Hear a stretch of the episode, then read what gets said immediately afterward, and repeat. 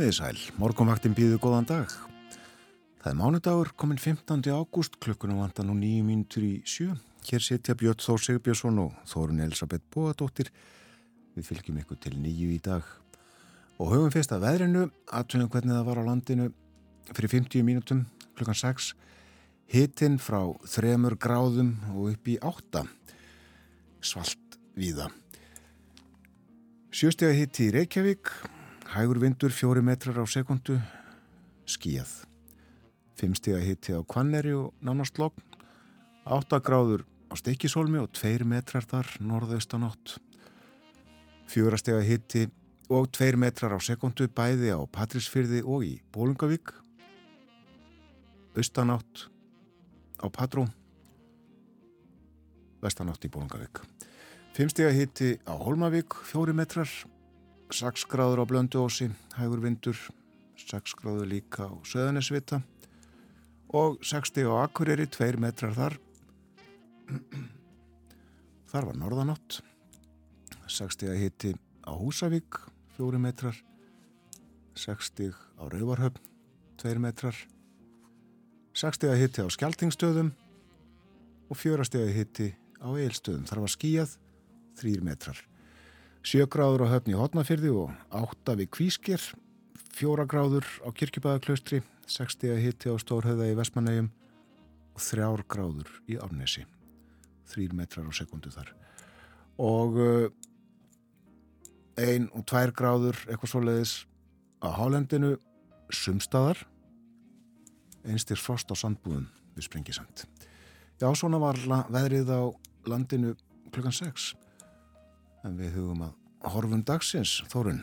Já, í dag verður norðvestan góla eða kaldi og stöku skúrir norðan og austan til á landinu en létt skíjað sunnan og vestan til og hiti 6 til 15 stig hlýjast siðst. Svo snýst vindur í suðvestlæga átt á morgun og þá má gera ráð fyrir skúrum á vestanverðu landinu og bjart verður, verður að mestu annar staðar hiti þá á bylunu 9 til 14 stygg. Og ef við lítum aðeins lengra enn í vikuna þá segir í hugleðingum veðurfræðings að á miðvíkudag komi lægð með regningu og sumstaðar all kvassri suðaustanátt en það verður úrkomi minna norðaustan til og hiti sveipaður áfram 8 til 13 stygg. Lægðin verður svo suður af landinu á fymtudag ákveðin austlæg átt með regningu á sunnaverðurlandinu og talsverðri úrkomu á söður og söðausturlandi. En lengst að verður sturt og bjart fyrir norðan og híti breytist áfram lítið. Norðaustanátt og viða regning svo á förstu dag, norðanátt með skúrum um næstu helgi. Híti 8 til 15 steg og hlýjast sunnan heiða. En gís, en uh, það var bara með naumyndum sem að greina mátti einhver gósefni á himni þarna í grendu keili. Þegar við horfum þangað hérna úr eftirleitunni í morgun við uh, sjáum á myndavélum að uh, það kræmar vel í gígnum og uh, gósið breytist nokkuð um helgina. Eins og að gjósi bara úr einum gíg núna lokaðist uh, fyrir nýrsta opið eða hætti að koma að kvika upp úr því um helgina. En það kröma vel í en uh, kvikan spítist nú ekki hátt upp í loftið svolítið þó og uh, vellur þarna úr gignum og raunnið streymir fram Það er ímislegt að dagskrá morgunvaktarinn er í dag efnagsmál vera til umfjöldunar. Við ætlum að tala um Indland líka og uh, flóa ávitu. Og tónlistin, hún verður alls konar og híðan og þaðan. Hlustum á Erlu Þorstins.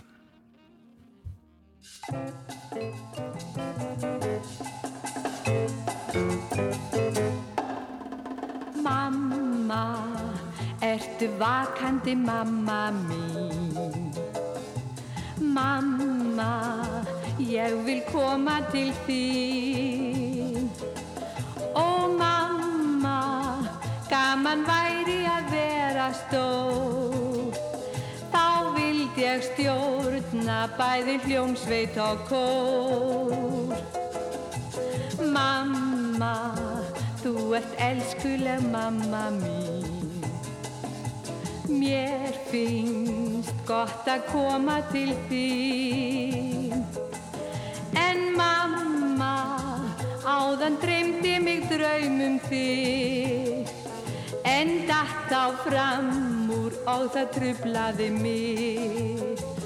Þú varst drottning í hári höll, hljómsveitinn álvar menn og tröll. Lék þér og söng í senn, hún var svo stóðfengleg. Tröllin þau berða bumburnar, blómál var lék á flauturnar. Fyllurnar mennskir menn á mandólin ég.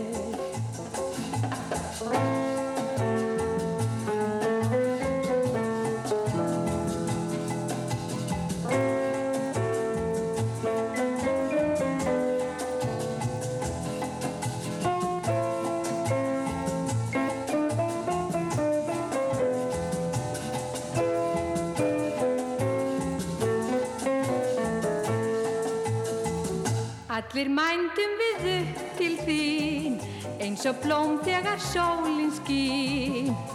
Er þínum faðmi frá gjafir flugum allt. Flestum gekk vel að grípa sitt, gladur náði ég fljótt í mitt. En stóll er steg ég á, stóð tækt svo hann vald. Mamma, þú ert elskuleg mamma mín. Mér finnst gott að koma til þín. En mamma, gaman væri að vera stór. Þá vildi ég stjórna bæði hljómsveit og kór.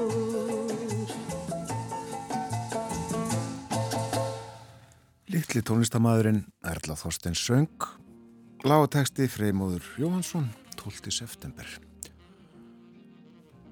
Frettina kom eftir smá stund hjá okkur hér á morgunvaktinni, við fáum okkur kaffi.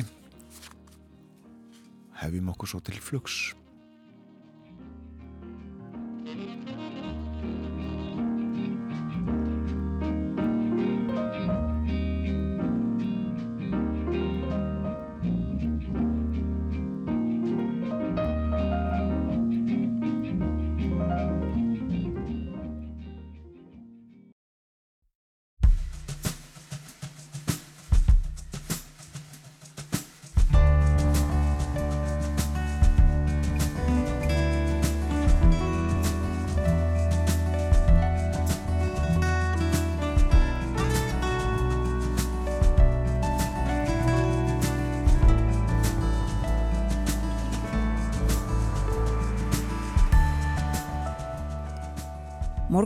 Helsar og býður góðan dag.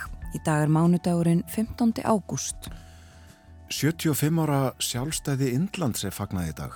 Landið losnaði undan yfiráðum breyta 15. ágúst 1947 og indverjar fengu lóksaráða sér sjálfur.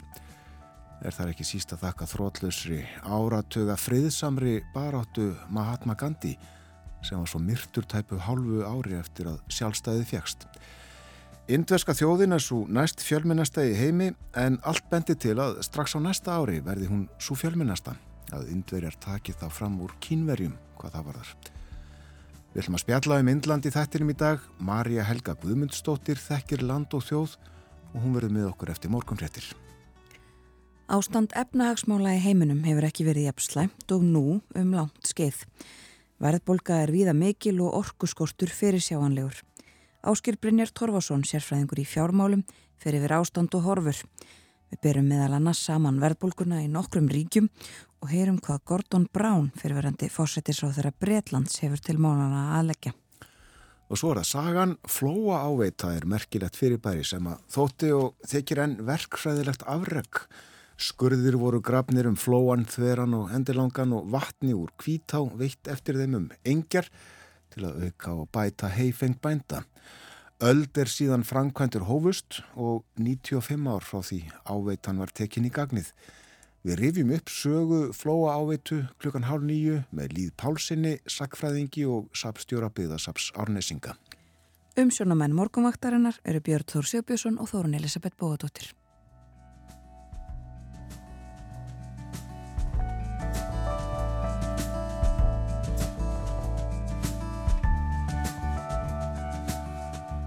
Ágættis veður á landinu sínist okkur eh, viðast hvar hægur vindur og sömstaðar nánast logg en hitast í svona í læri kantinum til dæmis bara þryggjastega hitt í Árnesi klukkan 6 í morgun.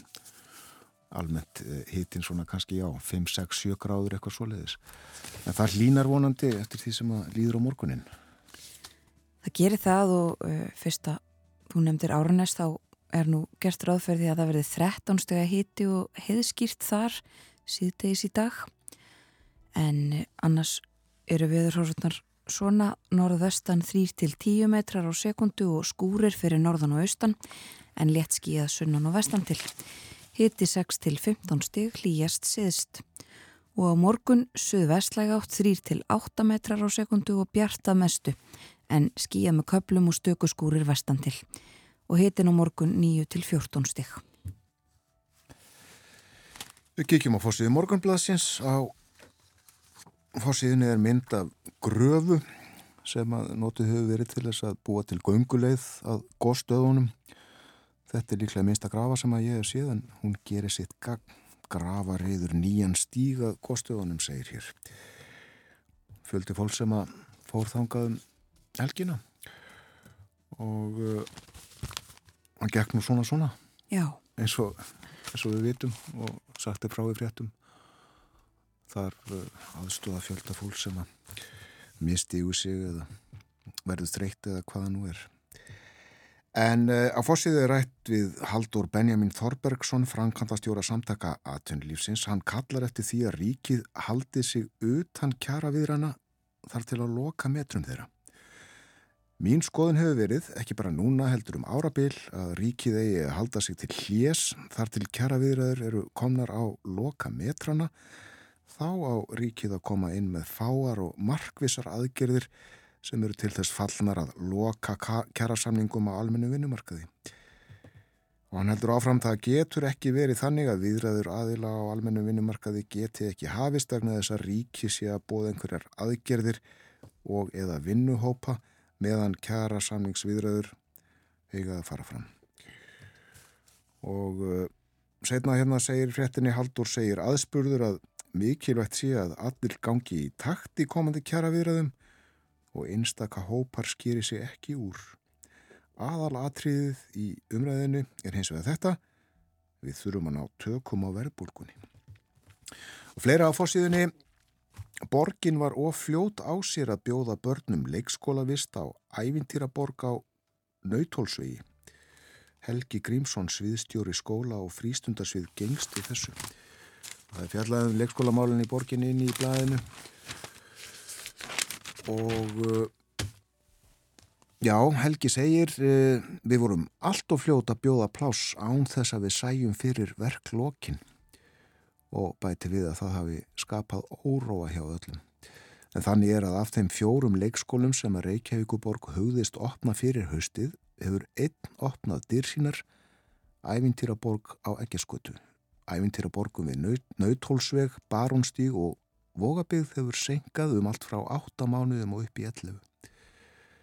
Og uh, Helgi segir líka, viljan til þess að gera þetta fyrir foreldra var mjög mikill en því miður lendu við í þessum remmingum og hann vísa til erfiðleika í framkvæmdum áhrif að stríðsins í Úkrænu og kórnuveru faraldusins sem hafi sett stryk í reikningin. 90 börn fengu bóð um leikskóladvöl í ævintýraborgum við Eggjarskötu og á Nautólsvegi. Það var í november 2021 en dæmið eru einnig um að börnum hafi verið búin leikskólavist í vor án þess að hægt hafi verið að standa við það. Svo er það uh, skýslan, úttektinn sem að ríkisendurskoðun er að vinna að um uh, sölu ríkisins á hlut í Íslandsbanka. Þið munið þetta skýslan átti fyrst að koma í júni og uh, svo var þínu svenkað en uh, það er vonast til þess að þessi úttekt komi út í lókmánuðar og uh, rætt við Guðmund Björgvin Helgason ríkisendurskoðanda. Þetta hefur verið umfangsmikið og eins og allar okkar úttektir þá þarf að vanda til verka og það skiptir meira máli en að vinna þetta sangan tíma áætlun. Það var nú talað um það í vor að þingið þurfti að koma sama sérstaklega til þess að fjalla um skýsluna þegar hún er tilbúin. En uh, ekki ljóst hvort að uh, það þurfi að gera það eða hvort að hægt verið bara að býða frem í september þegar þingið kemur saman eins og upphálega var áforma. Ég held að held, ég hafi séð það staðar, að uh, þingið er að koma næst saman 13. september. Sjá hvað setur í þessum efnum. Örlítið út í heim Breskublöðin ef að við skoðum þau þau eru flest uh, með til umfyllunar orkumál og efnahagsmál sem við ætlum nú jú, að ræða síðar í þættinum þegar Áskiprinja Torfason verður hérna með okkur. Þessi mál uh, mikið til umfyllunar síðustu vikur og mánuði í Breitlandi ekki síst og uh, einhver blöðin fjallaði um það að uh, frambjöðundinni tveir sem að keppast um að verða næsti fórsetisráður og formaður íhaldsflokksins Þau eh, eru bæði að tjá sig um þessi mál hvernig eigi að halda uh, verðbólgu niðri, hvernig eigi að reyna að uh, hemja verðhækkanir í, á, í orgu til heimila. Og Kýr Starmer, leiðtöi verkamannaflokksins, hefur lagt til eða lagt fram áætlun um það hann vill og hans fólk frista orgureikningana reynlega komið veg fyrir að þeir hækki eh, áfram næstu mánuði. Og eh, sagt frá því á fórsíðu Times í dag að þrýr af hverjum fjórum kjósendum íhaldsflokksins stiðji á form e, verkamannaflokksins í þessu málum. Þetta er mikið, e, mikið til umræðu og aðalmálið á flestum fórsíðunum. Líka fjallað þú um ástand, e, ástand höfundarins Salman Rösti sem er á Batavegi rætt við sonans í einu bladana og uh, sonur hann segir að hann uh, sé farin að tjá sig og skópskinnið sé í lagi ja. og hann sé á Batavegi. Í bandaríkjunum er annarmál til umfyllunar sem við ætlum að ræða síðar í þættinum en það eru 75 ár frá sjálfstæði Indlands. Það er svona aðalmálið þar en Ef að fara aðeins í söguna. Já, þannig er að 40 ári eru síðan ríkisútvarpið hóf formlega og skipulaða starfsemi á Akureyri. Þá hafði útvarpið haft aðstöðu í bænum í þrjú ár en 14. ágúst 1982 var til sérstug deild sem í fyrstu tveir menn störfiðu við Jónas Jónasson fórstuðumadur og Björn Sigmundsson teknimadur. Starfseminn var til húsa í Norðurgötu 2B en þar var áður Reykjús og setna fluttist útvarpið á Akureyri Rúag út í Glerárþorp en nú er það við hólabrutina nálat výmbúðinni. Og af þessu tilitni var einnar og halvrar klukkustundar dagskrá í útvarpinu þennan laugadag í ágústmániði fyrir 40 árum og hún nefndist Norðurlands útvarp, Rúvag, deild ríkisútvarpsins á Akureyri teku til starfa. Þulur var Stefania Högstóttir.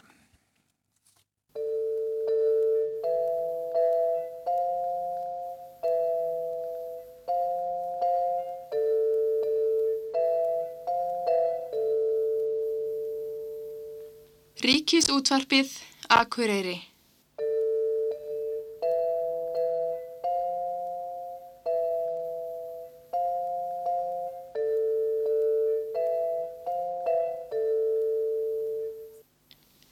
Deildi Ríkisútvarpsins á Akureyri svo fyrsta utan Reykjavíkur með fastránum starfsmönnum tekur nú til starfa. Stefania Högstóttir Þulur og uh, þetta var vegleg dagskrá, mikill þáttur og uh, Yngvar Gíslason mentamál ráð þeirra flutti áar. Við skulum grípa hérna stuttlega niður í það. Ég fæ ekki sendingar eigi betri kosta völ um almenna útvarfstarfsemi en að halda áfram að treysta ríkisútvarpið og gera því kleift að vera sá frjálsi vettvangur umræðu og menningarstarfsemi sem það hefur verið í nærfælt 52 ár. En vissulega er nöðsinn að auka fjölbreytni útvarstarfseminnar. Og frá upphafi hefur ríkisútvarpið verið að vaksa og dafna, þrátturir erfileika endrum og eins á laungum starfsferðli. Áfangarnir á vegferð þess eru orðin margir. Í dag minnumst við þess að einum þessara mörgu áfanga er náð, fastri útvarstarfsemi á Norðurlandi. Megi gæfa og gengi fylgja þessari starfsemi nú og æfinlega. Yngvar Gíslason, mentamálar á þeirra. Og í þessum fyrsta þætti Rúvag rætti Pálmi Mattíasson sem að þá var nýjörðin prestur í Glerárprestakalli við Hjört Pálsson, dagskrástjóra útarsins og við skulum heyra brotur samtali þeirra. Það verður oft heyrst að morgunkveðjan útvarp Reykjavík góðan dag hafi farið fyrir brjóstið og landsbyggðarmönnum svo ekki sé talað um höfuborgarsólina. Má búast við því að hér á Akureyri verði kveðjan útvarp Akureyri góðan dag og einnig hvort hér verði farið að tala um sérstaka Akureyra sól. E, útvarp Reykjavík heitir nú fullu nafni ríkisútvarpið. Það býður hlustendum sínum góðan dag og, og gleðilegar háttíðir ef svo ber undir sem ríkisútvarp þó að það hafi þetta kallmerki. Uh, úr því megamenn og ekki gera allt og mikinn, ég láta það fara í töðnar á sér þó að, að landsmenn séu nú dáliti gefnir fyrir reppapolítikstundum. Allar stöðvar verða að hafa skráð kallmerki og það segir venjulega til um það hvar stöðin er en ekki hvert hún beinir dagskrásinni eða hverjum hún þjónar. Akureyri fær nú ekki neitt sérstatt kallmerki í byli þó að sumt efnið sem þar verður gengið frá verði merkt með öðrum hætti þegar þar að kemur auðvitað kannast ég vel við þetta með Reykjavíkur sólina og það getur nú vel verið að bráðum komist á meira jafnræði með henni og akkurir á sólinni, við skulum vona það en við mögum þá heldur ekki gleyma því að það eru fleiri staðir á landinu en þessir tveir og þegar öll er á botning kvöld þá er þetta nú sama sólin og sólin okkar allra ef hún skýna á annar borð. Þetta var ég hörtu Pálsson Daskarstjóri í samtali við Pálma Mattíasson og gefum þá Stefáníu Högstóttur þull aftur orðið. Á Blöndósi hljóðrituðum við lestur Sigurdar Þorbjarnarssonar en árið 1971 var gefin út æfisaga Ágúst Jónssonar fyrir um bonda að hofi í Vatsdal. Sigurdur les kaplan Vanadísir og Valkyrjur úr síðara bindi nokkuð stittan. Í Vatsdal hafa löngum verið ágeitar húsfreyjur, bæði vaksnar úr heimaranni og aðkomnar konur sem hafa festar rætur og auðgað stórum mannlífið. Ég veit það ekki hvort ungir bændur í húnaþingi hafa verið öðrum kræfar að sækja sér hvernkosti í önnur héröð eða velja úr því og festa sér það sem að þeim barst. En mér þykir ég förðu gegna hver margar aðkomnar ágætis konur hafa sest í húsfröðustól í Vastal og víðar í húnaþingi og gert garda sína fræga við hlið heimakvenna. Ég hef áður minnst á sýsturnar úr biskustungum, Katrínu og Ágústínu Grímstætur sem eruðu húsfreyjur í Sörbæ og að Haukagíli. Sagt var að Gísli Sörbæ gerði ekki margt sem einhverju skipti án þess að ræðum það við Katrínu sína og var hann þó engin ráðvillingur. Vastalur hefur átt sínar vanadísir og valkyrjur sem stundum réðu meiru en við karlarnir með bæslagangin. Ég hef áður getið um það orð sem af því fór að það veri raunar yngun en ekki ég sem byggja hofi og Guðjón stríti mér að því að hún hefði ekki viljað fylgja mér í bændaflokkin. En ég er ekki alveg vissum að Rósa fermingarsýstin mín á Marðanópi hafi fyllt öllum sveiplum Guðjóns eða kosið bændaflokkin heldur. Svo kona er styrk í alúsinni og allir gerð. Yngun kona mín kallaði einu sinni til Hannesar á undirfelli þegar hann var að mæla fyrir minni hennar á góðri stundu. Það er alveg sama hvað þú hælin mér mikið Hannes rændi, ég kýsir aldrei. Þótt konurnar í Vastal byðu aldrei fram sérlista eða skipiðu vonarsæti eins og nú þykir sigurstránglegast í kostningum. Réðu þær miklu og teldu sitt tapl. Oft og einat með bændur sínar að peðum eða rytturum eftir því sem efni stóðu til, þótt þær gengju sjaldan jorrarhýðina sjálfar. Í mestu hitamálum sóttu þær sveitarfundi og tóku stundum þátt í umræðum svo eftir var tekið. Margar vastælskar húsfreyjur tóku einni töluverðan þátt í kostningabaráttu og voru drjúar við atkvæðaveiðar og íttnar við að halda utanum liðsitt og koma þjóð kjörstað. Frambjóðundum þótti jafnan betri en ekki að eiga slíkar konur að. Ég maður vel eftir Sigurlegu Jónasdóttur í ási konu Guðmundur Ólasonar sem alltaf var í eldlínunni. Hún fyldist vel með kostningabaráttu bóndasins og lagði honum lið.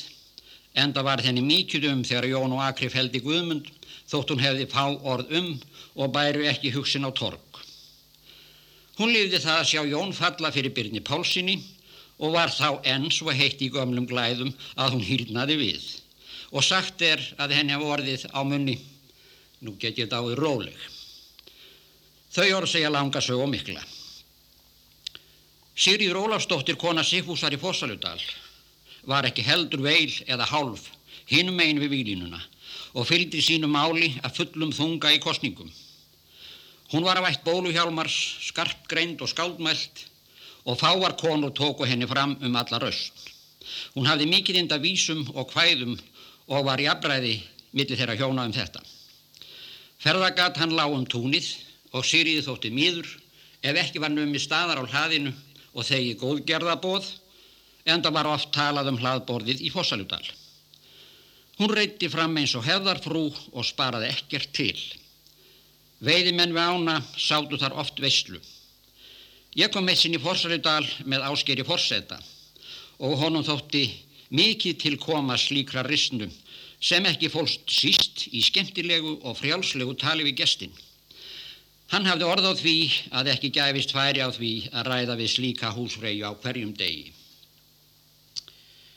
Jósefína Magnúsdóttir á Gilstöðum var í hópi Valkyrjanna, þótt hún þreytti ekki langflug, heldur sæti í dingu sem hátt bar og fylgdi þaðan gangi mála.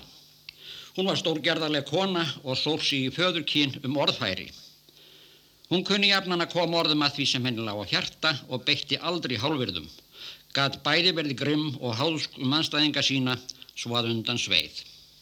En mesta valkyrjan í hópi vastælskra kvenna á síðustu áratugum hlítur þó Hólmfríður á undirfell að teljast og var sá skörungskapur varðla einhamur. Hólmfríður var um margt lík föður sínum, átti greint hans, hugrekki, gerðarskap og stórlindi sem gatnálgast ofsa. Hún var á yngri árum fríðkona með stórbrotin gerðarþokka. Hún var í kvennaskólanum Blöndósi og svo vel að sér í rekningi að sagt var að hún kendi kennaranum en hann ekki henni. Hún var mjög nefð fyrir skeppnur og kunni um bestu skil á meðferð þeirra og öllum búskap.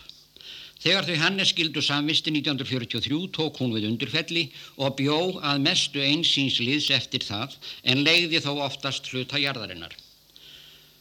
Hún hafði nokkurt bú, engum ross mörg og kunni vel rossabúskap. Hólmfríður bjóð þannig á undirvelli í 20 ár eða til döðadags 1963. Þarna heyrðu við Sigur Þorbjarnason lesa kabla ára æfisugu Ágúst Jónssonar fyrirverandi búndað Hófi í Vastal. Þetta var í þessari dagskrá Norðurlands útvarsins Rúvag, fyrstu dagskráni, deild ríkisútarsins á Akureyri tók til starfa 14. ágúst 1982. Við heyrum kannski meira á þessari dagskrá mögulega setna í þættinum í dag eða síðar í vikunni. En uh, rétt aðeins að öðru sem var á dagskrá hjá okkur í útvarpinu þennan laugadag um uh, morgunin uh, 9.30 hálf 10 Óskalug sjúklinga ása Finnsdóttir kynir 11.20 sumarsnældan, helgar þáttur fyrir krakka. Nú eftir þessa dasgrá frá Akureyri var uh, lýsing á síðari háluleik uh, viðregnar Vals og Keflavíkur á Íslandsmótinu í Knaspinu, fyrstu deild. Herman Gunnarsson lísti hemmi Gunn og uh, setna líst hann svo setni háluleik í leik Breiðablíks og Víkings. Og um, kvöldið var á dasgrá þátturinn Þingmenn Östulands segja frá. Vilhjálmur Einarsson rætti við Eistein Jónsson og uh, svo var rétt upp úr hálf tíu um kvöldið á dasgrá þátturinn á ferð með íslenskum lögfræðingum í Kaupmannahöfn. Dóttor Gunnlaugur Þórðarsson flytur fjórða á síðasta erindi sitt. Dasgrá útarsins um miðan ágúst 1982 en hlustu núna á eh, Helinu Eyjóls og eh, Atlantik kvartettin. Hér er sungið um gömlu götuna.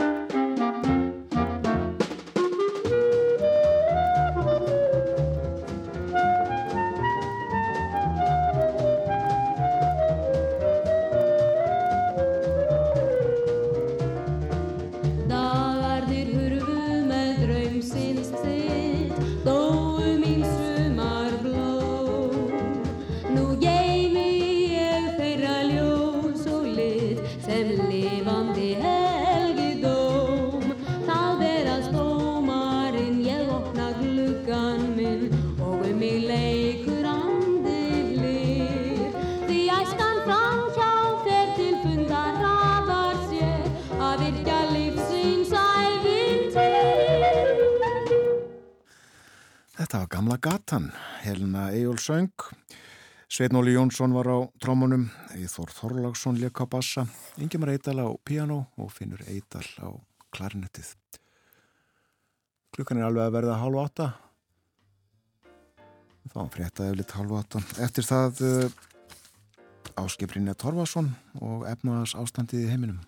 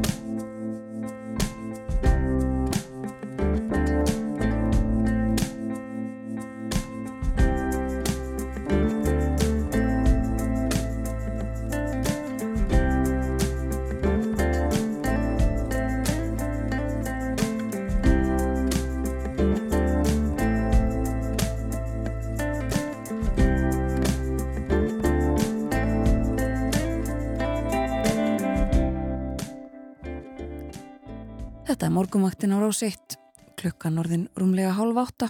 Það er mánudagur í dag, 15. ágúst. Og við minnum á það hér síðar í þættinum, þá ætlum við að ræða um Indland. Indland hefur verið sjálfstætt í 75 ár og Marja Helga Guðmundsdóttir Jærfræðingur bjó þar og þekkir vel til. Hún ætlar að ræða við okkur um Indland eh, að loknum morgunfréttunum klukkan átta. Og svo í lókþáttar þá er það flóa og veita. Líður Pálsson, sakfræðingur verður með okkur og ræðir um þetta verkfræðilega afreg sem að hún var og er en talin vera. En uh, líkt og við myndumst á hér fyrir þættinum þegar við fórum yfir nokkrar nokkrar fórsýður blada út í heimi þá er efnahagsmálinn orkumálin ekki síst eh, mikið til umfyllunar viða um heim og þau koma við sögu í spjallinu sem er framöndan. Velkomin til okkar Áskil Brynjar Torfarsson, sérfræðingur í fjármálum. Takk fyrir. Við ætlum að tala um ímislegt í dag, eða að byrja í Breitlandi?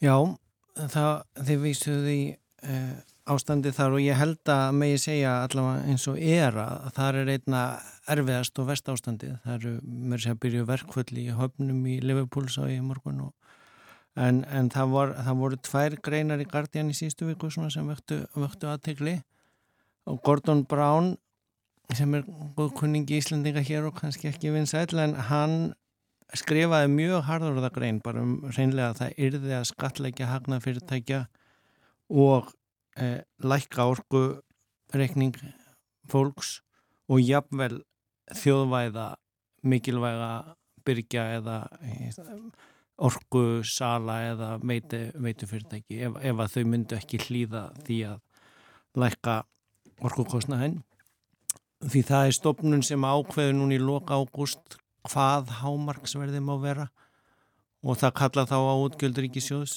til að halda því það ekki við og uh, síðan er þetta markaðsverð á orkunni sem að Evrópumarkaðurinn, heimsmarkaðurinn skaffar og, og þar með er þá hætt á þessi að flæðu ríkisjóði í hagnað fyrirtækjana. Þannig að hann er, hann er þarna að vísa í líka reynslu sína af kreppunni 2008, fjármálakreppunni miklu, þar sem hann saði að sinnlærdómur hafi verið að maður er það að vera á undan atbyrðunum en ekki að fylgja á eftir þeim og maður er það grafast fyrir um raunverulegar ástæður vandans og grýpa inn í þar en ekki að, að svona að reyna að vera að gera það sem að kalla Európu of lítið og of sinn. Já, Gordon Bránuð þetta, já, eh, fósættisáþurra Breitlands þá, hann var fjármálaráþurra áður í, í fósættisáþurra tíð Tónis Blair og uh, hann, já, talar hreinlega um þjóðnýtingu mögulega. Já, það, og það, glemir því ekki, það er nánast búið að þjóðnýta kjarnorku orkuframleðendunni Fraklandi eh, Eh, ég ætl ekki að segja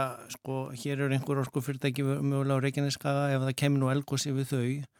Ég veit ekki hvernig, hvernig er þið tekið á því en, en þeir sem þurfa orkuna úr þeim fyrirtækjum þurfa þá allavega að fá eitthvað í staðin þannig að við sjáum í krísu ástandi hvort sem það er elgósi eða, eða svona ástandi eins og er í Evrópu og mundu við erum ekki tengd við Evrópsk orkumarkan þannig við erum alveg laus við þennan þessa orkukrísu og, og, og þessar alvarlegu afleðingar sem er ekki bara þarna að hafa áhrif á lífskjara krísuna sem er talað um í Breitlandi þar sem orkureikningurinn hækkar kannski um 80% hjá fólki heldur er við eh, líka að tala um fyrirtækin sem þurfa að borga eh, mjög mikinn kostnað fyrir sína orkunótkun og gasnótkun það sér maður líki í hínu stórveldinu í Európu, Þískalandi Já.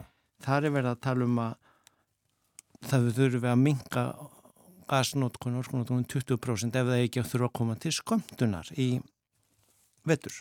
Nefnum það samt við Breitland, þú segir uh, ástandið einna erfiðast þar. Uh, það er eiginlega ekki starfandi fósættisáður í Breitlandi núna? Nei og, og það var hluti af svona niðurlæginu hjá Gordon að segja sko við getum ekki beðið með að taka á þessum málum þangar til í september þegar búið að kjósa nýjan formann flokksins og þar með nýjan fórstinsáttura og það var önnur grein eftir Simon Jenkins líki Guardian í síðustu viku þar sem hann var að kalla bara eftir byttu hvar eru hagfræðinganir og vísaði fræg umvæli eh, drotningarinnar aftur í, í fjármálakreppunni 2008 þegar hún sendi bref á LSI eftir að svo stóra krísa var nánast að leggja London í, í rúst fjármálamarkaðin og bara hvernig stóða því að þið sáðu þetta ekki fyrir saði drotningin mm. til hagfræðingarna og þeir skiluðu skíslu en, en, en Simon Jenkins var þarna að vísa í núna byttu Súnak og, og, og hún Tröss eru að lofa hinn og þessu skattahækkunum, skattalækkunum hámarksverði á orkulækkun og, og engin eh, hagfræðileg greining fyrir fram á hvernig á að borga fyrir þetta, hvernig á þetta að vera hægt, hvað, hvað á að gera til þess að eh, stoppa verðbrukurna og, og hækkunina. Af því að það er seinlega almennt tala núni með einstaklega um lífskjara krísu uh, þannig að þó að bói hafi spilað henni hjá okkur It's a Wonderful World í síðustu viku að þá er mjög mörg, margir tónar úr alltjóðlega fjölmjölunum viðskiptalega á þá vegu að við séum að horfa inn í eh, eh, já, mjög alvarlega efnarstrengingar fyrir mjög stóra hluta almennings í mjög mörgum löndum. Þú nefndi við mig í síðustu viku þegar við vorum að leggja línur fyrir þetta samtal okkar eh, endur komu skömmtunar hagkerfisins? Já, eh, það, það er vonandi ekki að við þurfum að fara í það en þetta var bara úr Financial Times núna með til dæmis ástandi í Þískalandi þar sem gasið er svo mikið notað ekki bara í húsitununa heldur líka bara í yðnaðin og yðnaða framleysluna og fyrirtæki keira kannski á einhverju hagnaðar hlutfalli og svo auks kostnæðurinn fyrir aðfungin og ef, það er ekkit rými fyrir, fyrir sko hækkun á orkuverði um 10% innan þeirra ramma. Og það heldur ekki rými til að hækka vöruverðið um 10% því það er náttúrulega markaður og heimsmarkaður. Við sáum uh, sko, já, í raun og veru enda lausar svona uh, högt í flæðinu, sama hvort að, hvort að maður er að skoða kornið sem að stoppaðist í Úkrænu svo var send skip og, og þeir eru bara framlega 3% en, en markaðinir verður hrættir uh, og verður ríkur upp það er farið að lækka sér til. Ólju verður að fara að lækka, korn verður að fara að lækka á heimsmarkaðinum en svo kemur vasskorturinn í rín þannig að kortluðunar á bökkum rínar eru fullar. Skipin geta bara hlaðið sér til hálfs þannig að það verður helmingi dýrar að flytja með flutningaskipunum á rín og, og kortluðunar tæmast ekki þaðan þannig að, að, að, að þetta er í raun og verið það sem ég var að tala um að hluta til með fjölþáttakrísunni eða pólíkrísunni að umhverjastáttin kom inn við gátum kannski tekist á við svona vanda hér og þar í kerfuna því þá voru bara fundnar aðra leiðir annar staðar frá en núna er bara stíplur á svo mörgum stöðum og verðið farið að hækka á svo mörgum stöðum. Og e, já, þá er reynlega almennt fara að tala um býtu hvernig að bregðast við þessu, eigum við að fara útluta eftir einhverju kerfi e, það sem var kannski gamla þetta að kalla skömmtunar hagkerfið, þannig að, að við getum uh, já, komist í gegnum veturinn uh, forðast að, að fyrirtækin þurfa að stoppa eða hækka. Við sjáum þetta mjög síðan Nóri í síðustu viku fréttir af því að orkuverðið þar sístaklega í söðu Nóri sem er tengt við Evrópska markaðin er orðið 40 sinnum herra heldur en rávorkuverði í Norðunóri að því þeir geti ekki flutt á rávorku eftir leðslum niður aðna Noreg. Þú, þú er að munna Noregur er jafn langur frá síðstáta til nýstáta eins og frá síðstátanum til Rómar. Þetta, þetta er mjög, mjög langt land og það er mjög erfitt að flytja ramak langa leið. Þannig að þar segir fólk í Suðnóri við sína stjórnmálamenn við ætlum ekki að fara að borga hér 40 sinum herri ráforskureikning til að hita upp störtu vatnið okkar í vetur. Uh, af því að þið eru að selja rafmagnu okkar til Evrópu. Og fyrirtækin í Suðnóri segja, heyrðu við verum bara að flytja okkar framlegslu upp í Norðunóri þar sem við getum fengið sko 40 fallagra ráforskuverð þannig að þetta er í raun og veru já ástandi sem við erum bara stöndum í miður í áni að reyna að finna út. Byrju, hva, hvaðan er hún að koma og hvert er hún að fara og hvernig er hún að komast yfir hana og hvað er hinnum einn. Já, það er ekki allt slæmt allstaðar, eh, það hafa borist góða breytt frá Greiklandi. Já, þeir eru losnuði í síðustu viku út úr svona efnahagspakkanum hjá, hjá uh, Evrópasambandinu sem er nú búin að standa yfir í raun og veru síðan í fjármála krísunni 2008 sem við vorum að nefna á þann.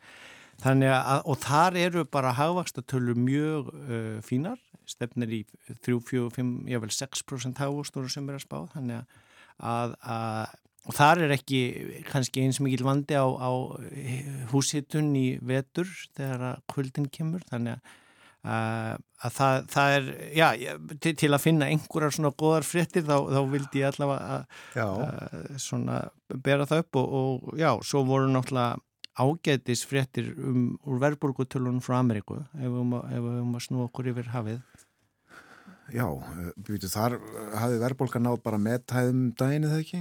Jú, hún var komin upp í held ég 9,2% og, og, og svo þurftur reyndar Twitter að setja aðtóasemdir við týst frá Joe Biden fórsettanum að því að hann hafi satt verðbólgan komin í 0% og 0%? Já og, og það var eh, svolítið skemmtilegt þar að segja uh, aðtúasemdin frá Twitter sem hefur nú hleyft ansi mörgu gegn frá fyrirfórsetta en, en var þarna með, með hérna flaggaði fyrir viðvörun sko að þetta var í raun og veru ekki ránt hjá Biden en það var 0% hækkun á verðlæginu í júli Eh, en verðbólgan er náttúrulega oftast og, og venjulegast mæld sem ársverðbólga, hækkun frá því árun áður. Þannig að hún fór úr 9,2 niður í 8,6% við það að verðið á vísitölunni, þar að segja körfunni sem er á bakvið vísitöluna, það er vörur sem eru í körfunni sem mæla verðbreytingarnar,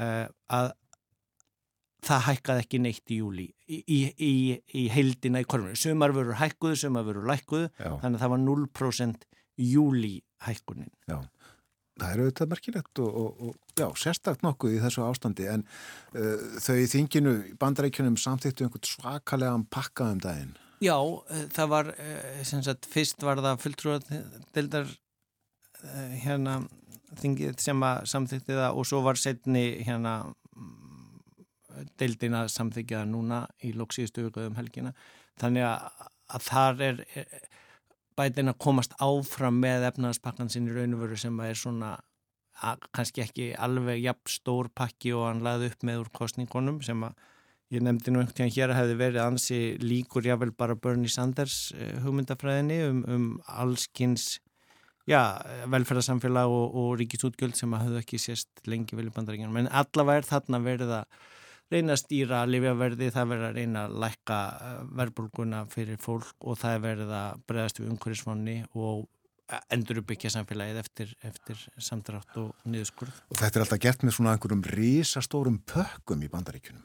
Já, uh, kannski vinsælt að, að leggja saman margar tölur og, og, og jável mörg ár, þannig að, að maður verður nú kannski aðeins að deila tölunum niður og, og, og, og skoða en, en, en það, það er óneitanlega mikilvægt að þetta við náðust í gerð bæði út frá eh, efnagsþættinum, verbulguþættinum og umhverfstættinum að því það er í raun og verið þessi samþætti vandi sem við erum að kljást og markaðinni brúðust mjög vel við þessu og líka við tölunum um að verðið hefði hægt að hækka Já, sko. þannig að við sjáum uh, það var í Financial Times og Bloomberg í morgun bara umræður um það að jáfnvel verði hækkun eh, banderska selabankans í september nóg uh, og, og þá þarf maður að þess að kafa bakvið, sko nú er verðbólgan komin í 8,6% þar uh, sem er náttúrulega heilmikið en, en hún fór niður frá því sem hún var í júli. Í Þískalandi sáum við þar allir byggust við og hún færur 8,5 nýri 8,1 en hún fór þar upp í nýju.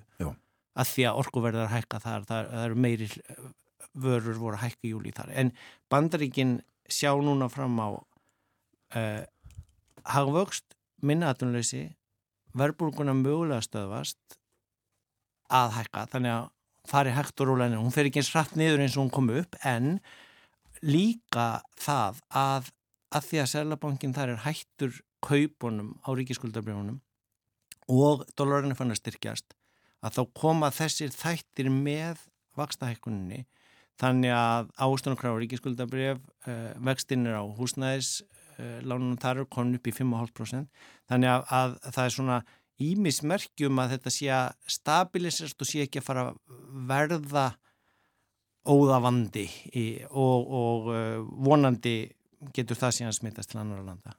Tölum aðeins um verðbólgu í Evrópu.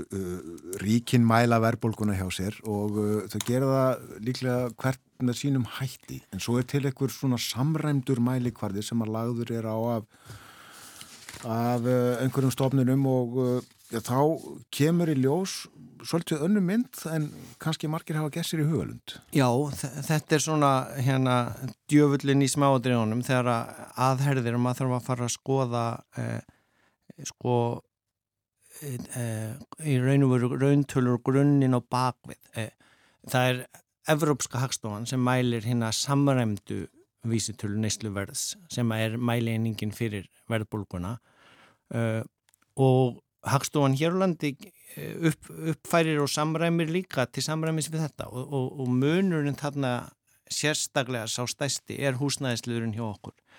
Og, og það sem ég nefndi áðan síðan líka við erum ekki að fá þessar miklu orkuverðshækkanir. Þannig að í töflunni sem kom í síðustu viku þá eru við bara í næst neðsta sæti við verðbólgun í Európu það er bara Sviss sem er með minni verðbólgun við en við erum undir 5,5% og er, erum með næst minnstu verðbólgu í Evrópum. Ég fannst nú rétt að draga þetta fram. Já, og ítrykku það að húsnæðisliðurinn er ekki inn í þessari mælingu. Nei, eh, hann er, hann er á miklu minni hátt inni og uh, Evrópska hagstofan er með í vinnu samhliða Evrópska selabankunum að uh, fá inn meira af hækkun húsnæðisverðsins. Ég laði nú til í grein í, í septemberi fyrir vísbendingu að við getum kannski mögulega tekið upp hérna Evrópsku samræmdu vístölu núna tímabundi í nokkur ár þar til hún nyrði líkari okkar til þess að slá á þessa uh, verðbólgu hér sem að maður getur sagt að sé þá mjög heimatilbúin að stórum hluta að því að auðvitað verðu við fyrir innflutu verðbólgunni af orkuverðinu en gengi spilar þar á móti heimismarkasverði er farið að lækka á kortni, ólju og fleiri hlutum. Þannig að verðbólgan ætti að geta farið að mildast hér eins og í bandaríkjunum og, og, og smám saman stöðvast. En við erum með þetta hækkað húsnæðisverða því við lækkuðum vextina í COVID. Og það er síðan núna að valda hækkuðum vöxtun sem veldur hækkuðum húsnæðiskostnaði hjá fólki. Og, og mér finnst allavega rétt að halda þetta til haga við erum já, næst lækst bara eins og sviss með lága verðburgu í Evrópu þannig að við ættum ekki að þurfa að vera í svona já, eh, eins mikilli eh, klemmu eins og til dæmis Þískaland þar sem að var að koma fram eh, kröfunar frá IG Metal þeirra stærsta verkefliðsfélagi með fjórum miljónum eh, hérna málum og ramags og verkfræðinga þar sem þeir gera þau gera kröfu um 8% launahekun það er 8,5% verðbólka þannig að allar vörur hafa meira og minna hækkað fyrir eh, þessa löntega um, um 8, jável rúmlega 8% og fyrirtækin, Siemens og, og BMF og, og stóru atvinnureikandunir í Þýsklandi segja já við erum bara að borga svo mikið meira fyrir orkuna og aðfengin rýmið okkar er til launahækkana er 0% og þarna er, er bylið sem að samninga nefndirnar og, og sátta sem er aðnir í Þýskalandi þurfa að kljást við. Já við erum í aðeins annar aðstöðu allavega. Þú er dreyið fram hérna ímist uh, gott og vond í þessu spjalli okkar. En hvað er framöndan? Sko, það er áframhaldandi polykræsis, fjölþáttakrísa. Ég fór yfir bara svona nokkur merki til að reyna vera nú ekki bara hérna á mánundagsmónum að draga upp dökkar efnahagsmyndir um, en, en, en, en það, það er samt sko endalust af fréttum í minni viðskiptapressu af til dæmis í fannæri selðdæmis í morgun að hlínuninn og norðurskautinu var fjórfalt meiri í júli heldur hann rekna með og ICCP-skíslan rekna með tvöfaldri hlínun þannig að við vorum helmingi meiri hlínun í júli þetta voru 6.000 miljardar tonna af ís sem bráðnuð úr grænhansjökli eh, og þetta getur sko eskalerast, magnast upp í enn meiri krísur annar staðar.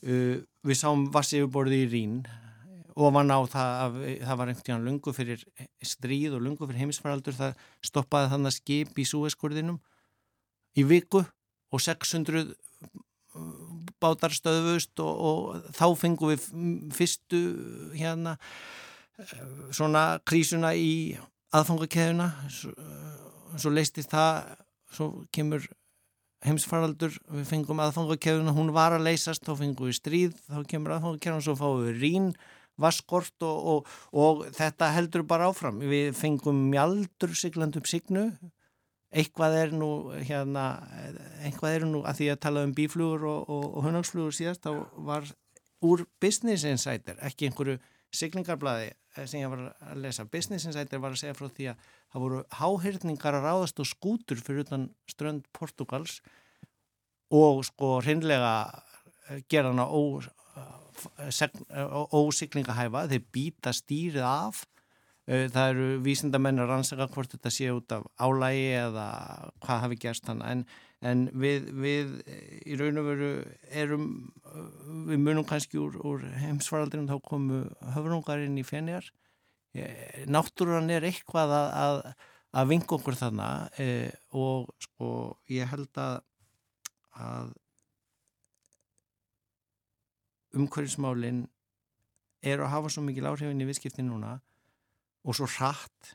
Þannig að þessi 3% eða 0,3% sem voru svona skeftísk á, á, lofslagsvona eh, allavega eiga ekki rétt á helming eh, hérna, viðtalstímans í fjölmjölunum lengur og aðgerðirnar sem er farið að bregðast við að, frá viðskiptalífinu eru, eru miklu svona, já, öblúri og hraðar en maður hefur nokk tíma síðan þannig ég var svona að vonast til að segja að það geti orðið eh, bjartara framöndan með það. Til dæmis fréttur úr síðustu viku alþjóðlega reikniskilastalar á því sem að tala nú um eitthvað svona teknilegt og, og leðilegt á móndasmónni var að saminast alþjóðlega sjálfbærnistalar á þennu þar að segja að, að nú verður ekki bara lengur hagnaðurinn og uh, heldur þarf líka að skila í ásreikningunum í framtíðinni umhverfisáhrifunum með í tölunum á því. Ah, vonandi fyrir þetta lagast.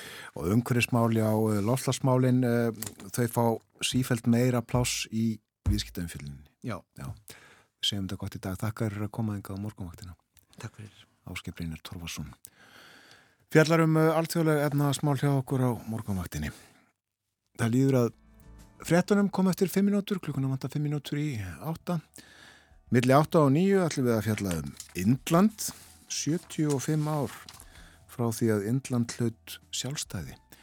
Og uh, svo er það Íslandsagan við ætlum að fjalla um flóa áveitu þá merkilegu framkvæmt að byrjaða mókaskurði, grafaskurði fyrir 100 árum og 95 ár frá því að áveitan var tekin í gagnið. Líður Pálsson sakfræðingur og sapstjóri byggðasaps árnesingaverður með okkur uh, milli hálf nýju og nýju En eh, um Indland ræðum við við Marju Helgu Guðmundsdóttur Jærfræðin kom bjó á Indlandi.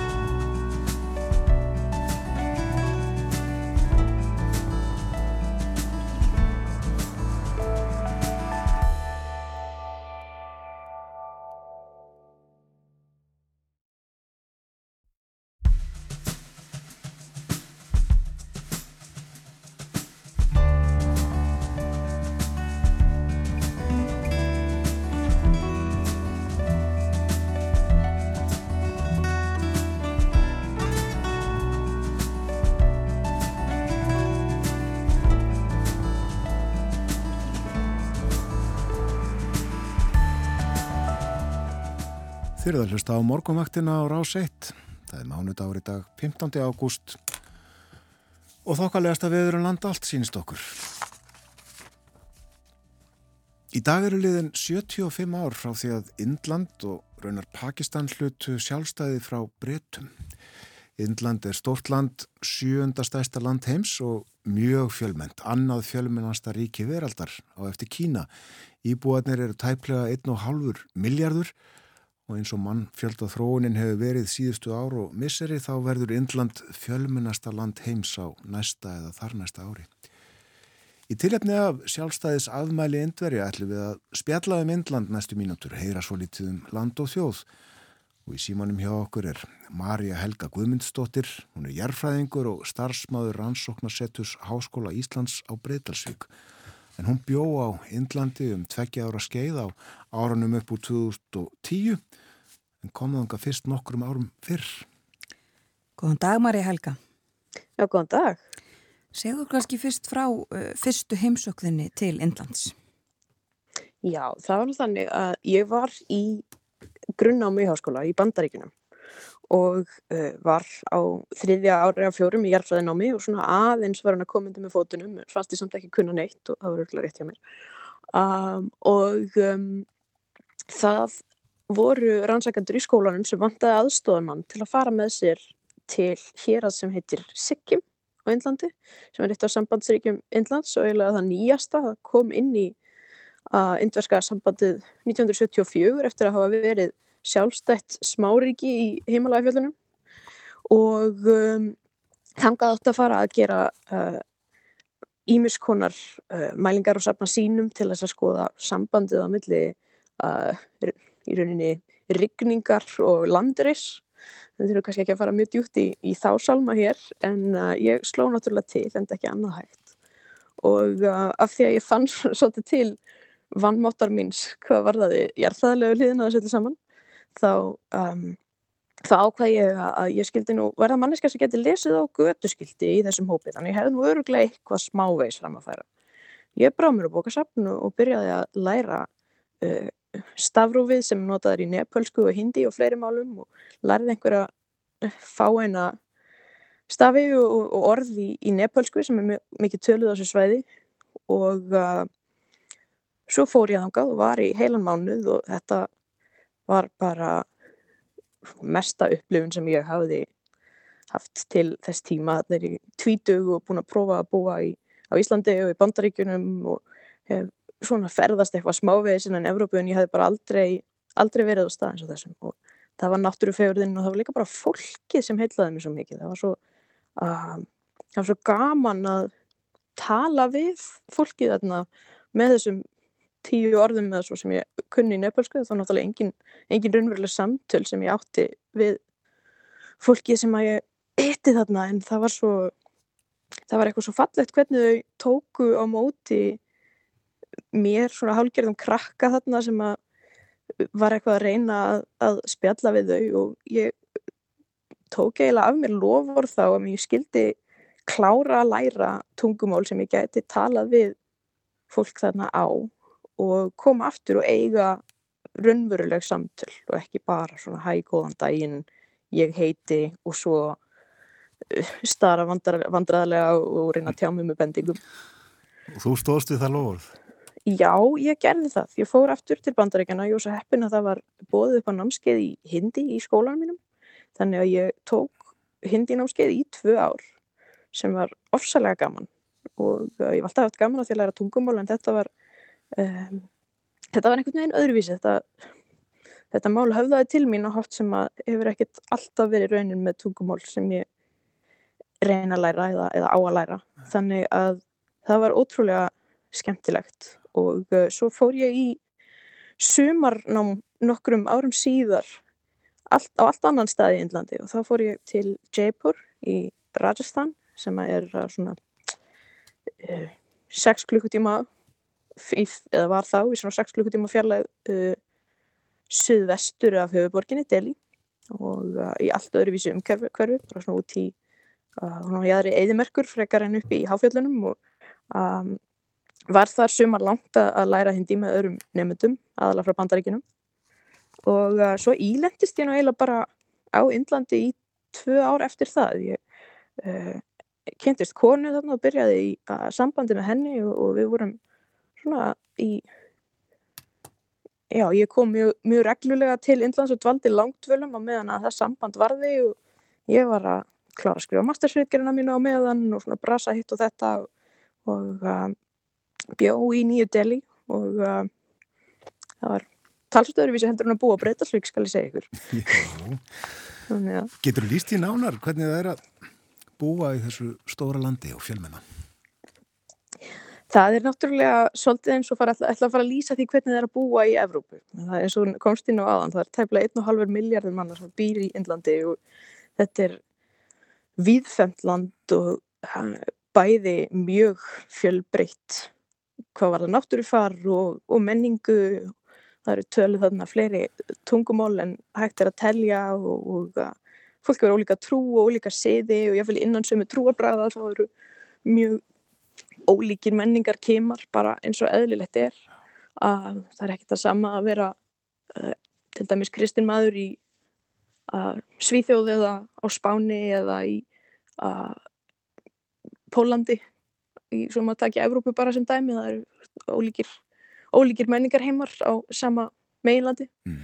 um, en það sem kannski það sem ég þykir svona vænst um frá þessum tíma munum á Índlandi var það að, að fá bara að fá að í rauninni að kynnast heiminum út frá allt, allt öðru sjónarhörni því að veist, ég var alveg upp hér á Íslandi og hafði búið nokkur ári bandaríkunum og, og svona og, og um, svona taldi mig hafa einhverja hugmyndum það hvernig heimurum væri svona sem að gera þegar maður er tvítur uh, og svo kom ég þangað ég áttaði mig á því að all margir hluti sem ég hafi gengið út frá sem normum voru bara gerðsamlega afstæðir og voru skilgetinn afkvæmi þess samhengi þess sem ég hafi alist upp sem er samhengi sem að mjög fáir alast upp í frá heimsýr og uh, mér er alltaf minnist eitt samtal sem ég átti við uh, mann frá frá Kerala sem er ríki á Suður-Indlandi þá sem ég hef aldrei, aldrei komið.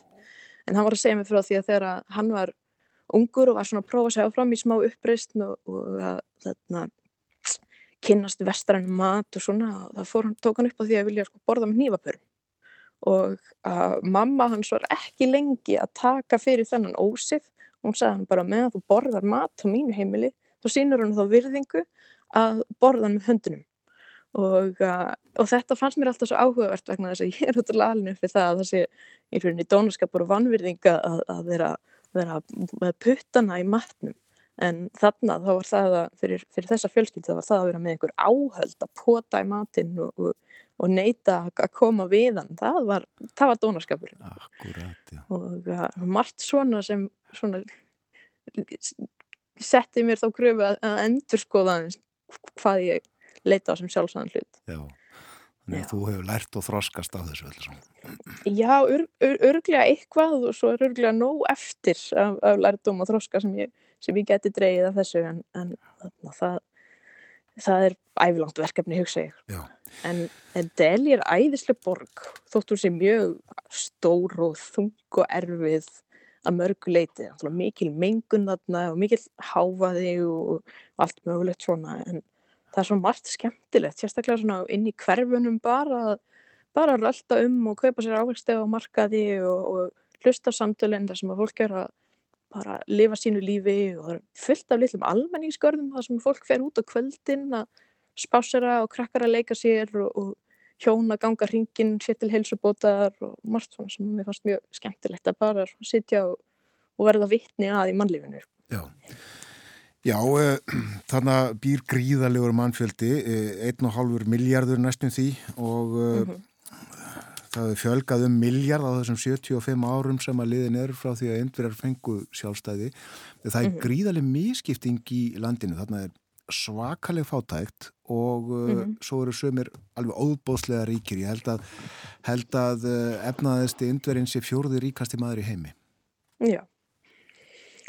Það er bara dagsatt og, uh, og ekki ekki auðvelt að horfa upp á það heldur, Menni, það er ofsalega margt fólk þarna og, og margt fólk þar að leiðandi sem er mjög fátækt og, og býr við kjör sem eru bara alls ekki mannsamandi og um, það, er, það er alltaf snúið þegar maður er í slíku umhverfi að finna einhvern veginn balansin á millið þess að maður má ekki brinja sig fyrir því. En á sama tíma þá ef maður, ef maður dvelur við það öllum stundum þá gerir maður ekkert. Því að þetta er bara svo, þetta er svo yfirþyrmandi og, og svo hræðilegt að það sé ein einasta manneska í heiminum sem, sem býr við slíkar aðstæður. Um, en á sama tíma þá líka því þú nefnir hvað Íbúið Myndlands hefur fjölgað geysilega mikið frá sjálfstæði þá líka hafa, um, hafa lífskjör margra batnað mjög mikið á þessum tíma og ég var bara svona mér til gamans að skoða tölur um læsi til dæmis. Að um miðja 2000-aldina þá uh, voru svona tæmlega 20% indverja læs samkvæmt ofnbjörnum tölum. Og, uh, og nú stendur svo tala í tæmlega 80% og hefur aukist yfir meira hjá konum heldur en körlum. Og ég held að hjá yngri kynsluðinni þá séum við að tala um milli, hjá fólki sem er svona sikkurum með yfir tvítugt þá er læsið komið vel yfir 90% þannig að það er bara hægt að ímynda sér hvaða áhrif það hefur líka bara á getu fólks til þess að uh, leita réttar síns og, og, uh, og beita sér í þessu stóru flóknu samfélagi. Þetta er náttúrulega stærsta líðræðis þjóðfélag í heiminum og það er gaman að, gaman að hugsa um það hvað, hvað er mikið umstang til dæmis í kringum kostningar hjá okkur. Um, og svo að reyna að yfirfara það á 1,5 miljard manna á heilli að svona bara í, í heilli heimsálfu í rauninni. Þetta er Já. bara eins, eins og alva út af fyrir sig. Og, uh, og þar, minna það er dágóður hluti fólk sem er ekki læs. Og þá þarf að útfara, útfara kostningarnar þannig að, að kostningar eftir þeirra sé líka virtur. Mm. og það fyrir mjög mikil vinna í þetta í, í indversku þjóðfélagi. Þannig að Já, það er, það er, það er alls konar, konar áskorunni sem að fylgja þessu sem við kannski pælum ekkert sérstaklega í. Sko. Einmitt, við höfum sér til dæmis að kostninga taka marga vikur. Já, Já.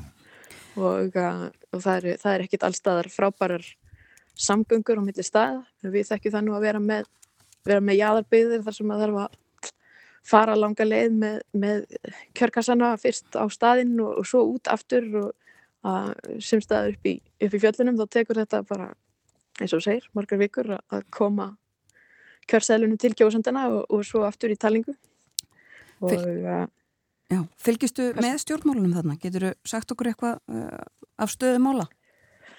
Ég fylgist ekki með stjórnmálum þarna það, með svo góðum hætti að ég, ég telli mig kannski ef eitthvað erindi að fara að tjá mig um þau útvarp, ég, bara, ég ætla bara að viðkjöna það mm. en, uh, en það eru svona kannski tvær stórar blokkir sem hafa tekist á í, um, í landsmálunum undanfanna áratöyu. Það er annars vegar kongressflokkurinn sem að, að á rætur sínur rekja allt aftur til sjálfstæðisbaráttunar og, og hefur svona kannski uh, notið verðingar í krafti þess. En er náttúrulega allt, allt eins og öll stjórnmálar búin að breytast mjög mikið á 75 ára tímabili. Og, uh, og svo er það að stóri stærsti flokkurinn núna er uh, Bharatiya Janata Party sem er uh, svona indverski þjóðarflokkurinn það er svona flokkur fólksins.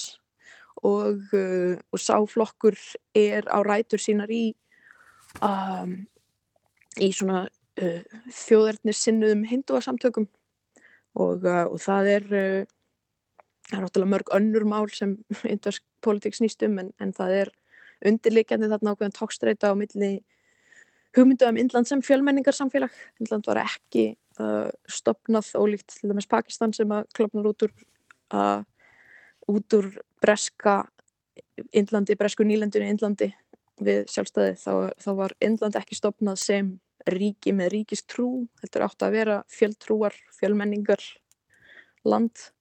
En uh, það er ekki allir alveg sáttir við það og, vilja að hindúar eigi sitt land og þetta líti á Indland sem land hindúa sem eru svona 80% þjóðarinnar.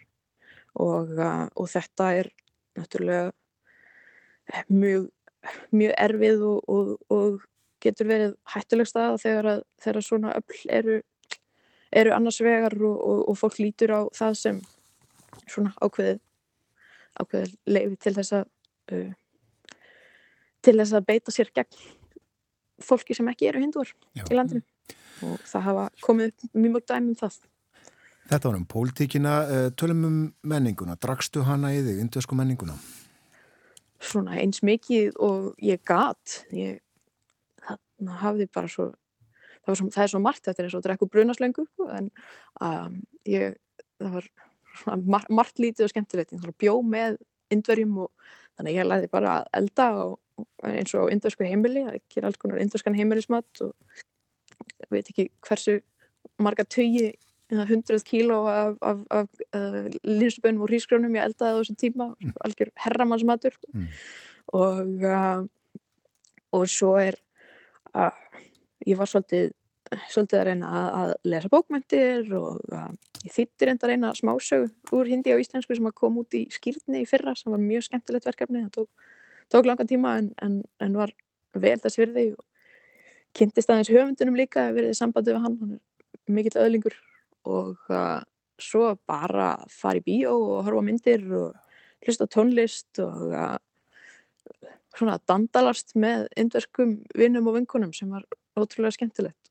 Kynast svona, þau eru með svona skemmtilegan leik sem maður, er, maður fer mjög oft í þegar maður er að fara á milli staða í svona, svona litlum svona autoriksja sem eru svona þessi þrýhjóla bílar eins og, voru á tímabili neri við hörpu um, að, þá er sko, þá syngur einhver brot úr dægulægi og svo þarf þú að að syngja næst lag sem að byrjar á sama bókstaf og, og hitt brotið endaði Já. það var svona kveðist á einlega og, og, og leikurinn gengur út á það að reyna að gata að vinni sína og ég náttúrulega stóð yðurlega á gati en, en svona ég var komið með nokkra stafi og gætt hoppað inn í þegar kom M eða eitthvað Já, já, já uh, við spjöllum hér vitt og breytum Indland, uh, Marja Helga þú ert uh, á Breytalsvík, getur þú sagt okkur hvernig viðrar á Breytalsvík á hindi? Um आज का मौसम बहुत सुंदर है नीला आसमान कुछ छोटे से बादल हल्का हल्का धूप और ठंडी हवा चल रही है बहुत सुंदर है आइए Ágætis veður sem sagt Það er bara mjög fallegt veður það er, það er blár heiminn lítil skí dálítil sól um, mjög mikilvægt, kaldur vindur ég lærði það að kaldur vindur er eitthvað sem maður, maður segir með gleði á Índlandi ég, þarna, ég, mér finnst alltaf ég svona, fyndið, og skemmtilegt að, að tala um, tala um þennan kalda vind eins og hann sé, sé til góðs en, en það er svona hægur andvari og, og mjög fallegt hérna núna Já. og mæli með því að fólk komi og njóti. Kaldi vindurinn ekki alveg velkomin hér á Íslandi. En uh, ég baði um að velja fyrir okkur lag til þess að heyra hérna í lókin. Segð okkur stuttlega frá því. Já, þetta er lag úr, uh, úr kvikmynd frá 1976 sem heitir Choti Thibat sem þýðir bara lítið mál um, og um, þetta er romantísk gamanmynd af, af gamla skólanum fjallar um um stráka unga mann sem er agalega feiminn og óframfærin og, og verður ástfóngin af konu á strætóstoppistöðinu sinni þar sem hann er alltaf að býða til strætó í vinnuna. Og um, svo þegar að það fer svona framfærnari maður í, á vinnustöðunum að daðra við hana og, og, og viðist verða ágengt þá þarf, þarf svo feimni svona spýti lóna og, og læra að eiga samskiptu við fólk og með, með auðvitað tilherrandi rækvöldum og, og skemmtilega heitum og uh, lægið heitir Najane Q Hotahe og þetta er sungið af uh, drottningu uh, indverskrar kveikmyndatónlistar sem heit Lata Mangeshkar. Hún dó reyndar fyrir þessu ári í Harri Elli hefur, er, það eru fáir listamenn í heiminum sem hafa tekið upp meir af tónlist heldur en hún, hún söng inn á allar myndir sem hægt er að hugsa sér ásand nokkrum öðrum svona öndveis listamönnum. Og lægið fjallar um það að, að, að ég veit ekki af hverju þetta gerist í lífinu en, en svo þegar einhver manneskja er farin þá fer ég alltaf inn að sakna hennar svona engin veit hvað haft hefur fyrir mist hefur en, en með mjög léttum undirtóni og það fer þetta allt vel í lókin. Gott, gott. Ja, þetta er Najani Q. Hlustum. Kæra þakki fyrir spjallið. Takk sem er leiðis. Marja Helga Guðmundsdóttir. Já, uh, það er uh, indverska lægið sem hún sað okkur frá sem að við uh, ætlum að hlusta á náum reynda líklega ekki nema broti.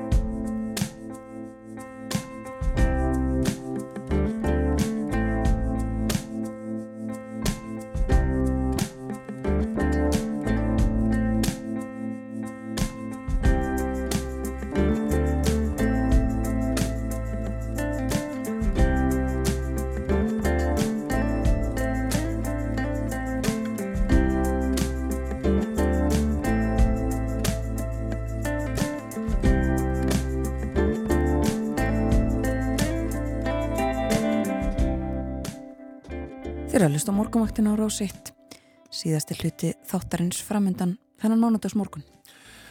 Aðan rættu við við Maríu Helgu Guðmundsdóttur Jærfræðing. Hún er verkefnistjóri við Rannsóknarsettur Háskóla Íslands á Breitalsvík. Við töluðum um Indland. Það er liðn í dag 75 ár frá því að Indland hlaut sjálfstæði frá Breitum. Hún bjó á Indlandi um skeið, þekkir vel land og þjóð eins og hægt er að þekkja þetta risastóra land og þessa fjölmennu þjóð vel. En uh, sað okkur frá og uh, hún lærði hindi, setti sér það og það tókst. Og hún fór með veðurlýsingu fyrir Breitalsvík á hindi áðan og uh, tók það svo saman í lokin á íslensku ágættis veður köldgóla en hvernig eru veðurhorfur dagsins á íslensku? Á íslensku norðvestan góla eða kaldi í dag og stöku skúrir norðan og austan til en létt skíjaði í öðrum landslutum. Hiti breytist lítið, hann er 6 til 15 steg og það er hlýjast siðst. Svo snýst vindurinn í suðvestlæga átt á morgun og þá má gera ráð fyrir skúrum á vestanverðu landinu. Bjartað mestu annar staðar og hitin þá á bylunu 9 til 14 steg. Á meðjögudag kemur svo lægð með regningu og sumstaðar all kvassri suðaustanátt en það verður úrkomi minna norðaustan til. Og lægðin verður söður af landinu á fymtudag, ákveðin austlæg átt með regningu á sunnanverðu landinu þá, talsverð úrkoma á söður og söðausturlandi en lengst af þurft og bjart fyrir norðan. Og á föstudag norðaustan átt og víða regning. Svo norðan átt með skúrum um helgina eins og spáinn hljóðar núna og hitast í svipað alla þessa daga alveg fram eftir og, og vikunni og til næstu helgar. Einmitt að. Já, uh, kaldur vindur kærkomin á Indlandi en síður hér, það er eins og það er. Og kannski í blálokkin uh, um þetta, uh, við heyrðum ekki nema brota brota læginu þarna eftir samtali við Maríu Helgu því miður, við þurftum svo mikið að tala en spilum það í fyrramálið við loðum því. Þetta var um heimsuguna Indland sjálfstætt í 75 ár, nú ætlum við að fjalla um Íslandsöguna og uh, afreg, uh, verkfræðilegt afreg uh, á þessu ári eru liðin 100 ár frá því að framkvæmdir hófust við flóa áveitu. Og 95 ár held ég alveg öruglega síðan hún var tekinn í gagnið. Okkur langaði að spjalla fárétnast um flóa áveitu og til okkar er komin Líður Pálsson, sagfræðingur og sapstjóri byggðasaps Árnesinga, velkomin hljóðstofu. Takk fyrir. Já, uh, já, ég tók mér þetta í mun verkfræðilegt afreg, er þetta ekki rétt hjá mér? Jú, jú, þetta var verkfræðilegt afreg. En uh, ég hef svona aðeins verið að glukka í heimildur um flóaötun á síðustu daga og það er nú svona, það er ekki ennum einn grein sem fjallar um verkfæðina. Það var grein uh, Áskeirs Els Jónssonar sem var kom til starfa við flóaötuna já bara í upphafi og, og mældi allt út og og hann kvartaði við því að það hefði verið lélegt kort og notað við mælingarna sjálfar fyrir ára, áratuga undan.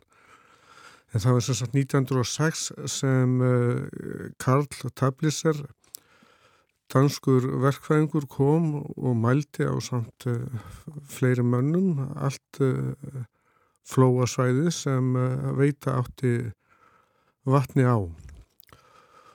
En í sjálfur sér uh, hafði umræðanum veitur á svæðið millir Öllusár og Öllusár kvítár og Þórsár verið þær alveg frá 1880 og 1880 þá þá var hann sér að Stefán Stefensen prestur sem þá var síslunendamadur, síslunendin íkomildi sögunar sem læði það til að, að, að gerðar erðu áveitur af þessu sléttlendi millir þessar að tekja stóra á Já.